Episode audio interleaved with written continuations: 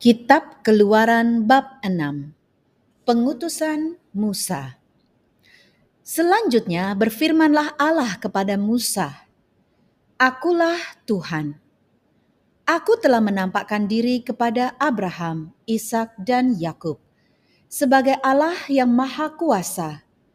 Tetapi dengan namaku Tuhan, aku belum menyatakan diri Bukan saja aku telah mengadakan perjanjianku dengan mereka untuk memberikan kepada mereka tanah Kanaan, tempat mereka tinggal sebagai orang asing. Tetapi aku sudah mendengar juga orang-orang Israel yang telah diperbudak oleh orang Mesir, dan aku ingat kepada perjanjianku.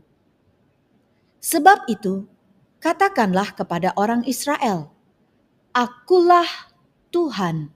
Aku akan membebaskan kamu dari kerja paksa orang Mesir, melepaskan kamu dari perbudakan mereka, dan menebus kamu dengan tangan yang teracung dan dengan hukuman-hukuman yang berat.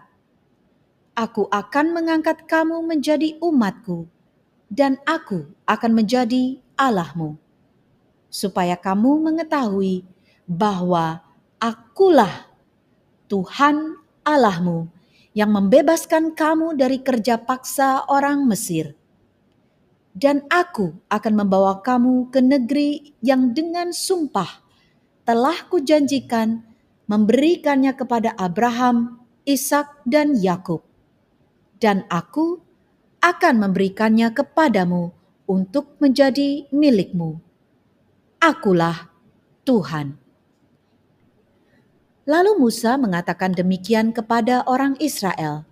Tetapi mereka tidak mendengarkan Musa karena mereka putus asa dan karena perbudakan yang berat itu. Kemudian Tuhan berfirman kepada Musa, "Pergilah menghadap, katakanlah kepada Firaun raja Mesir bahwa ia harus membiarkan orang Israel pergi dari negerinya." Tetapi Musa berkata di hadapan Tuhan, "Orang Israel sendiri tidak mendengarkan aku. Bagaimanakah mungkin Firaun akan mendengarkan aku? Aku seorang yang tidak petah lidahnya."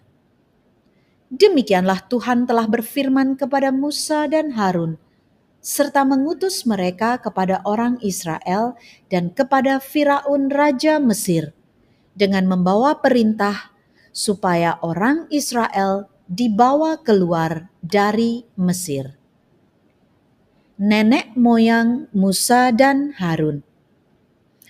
Inilah para kepala kaum keluarga mereka, anak-anak Ruben, anak sulung Israel, Henok, Palu, Hezron, dan Karmi. Itulah kaum-kaum Ruben.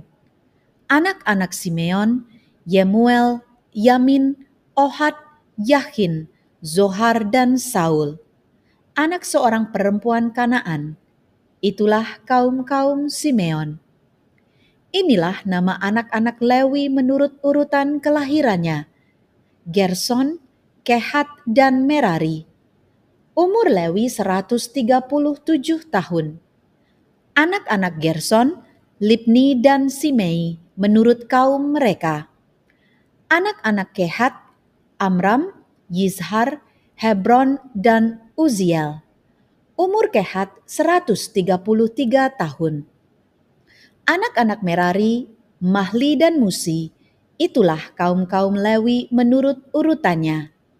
Dan Amram mengambil Yohebet, saudara ayahnya menjadi istrinya. Dan perempuan ini melahirkan Harun dan Musa baginya umur Amram 137 tahun. Anak-anak Yishar, Korah, Nevek, dan Zihri. Anak-anak Uziel, Misael, Elsafan, dan Sitri. Dan Harun mengambil Eliseba, anak perempuan Aminadab, saudara perempuan Nahason, menjadi istrinya.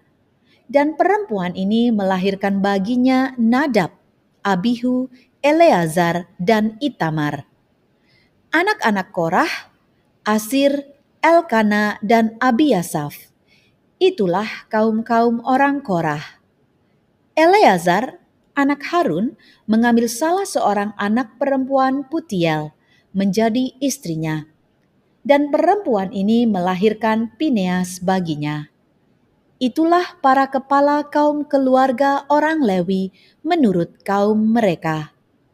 Itulah Harun dan Musa yang diperintahkan Tuhan bawalah orang Israel keluar dari tanah Mesir menurut pasukan mereka.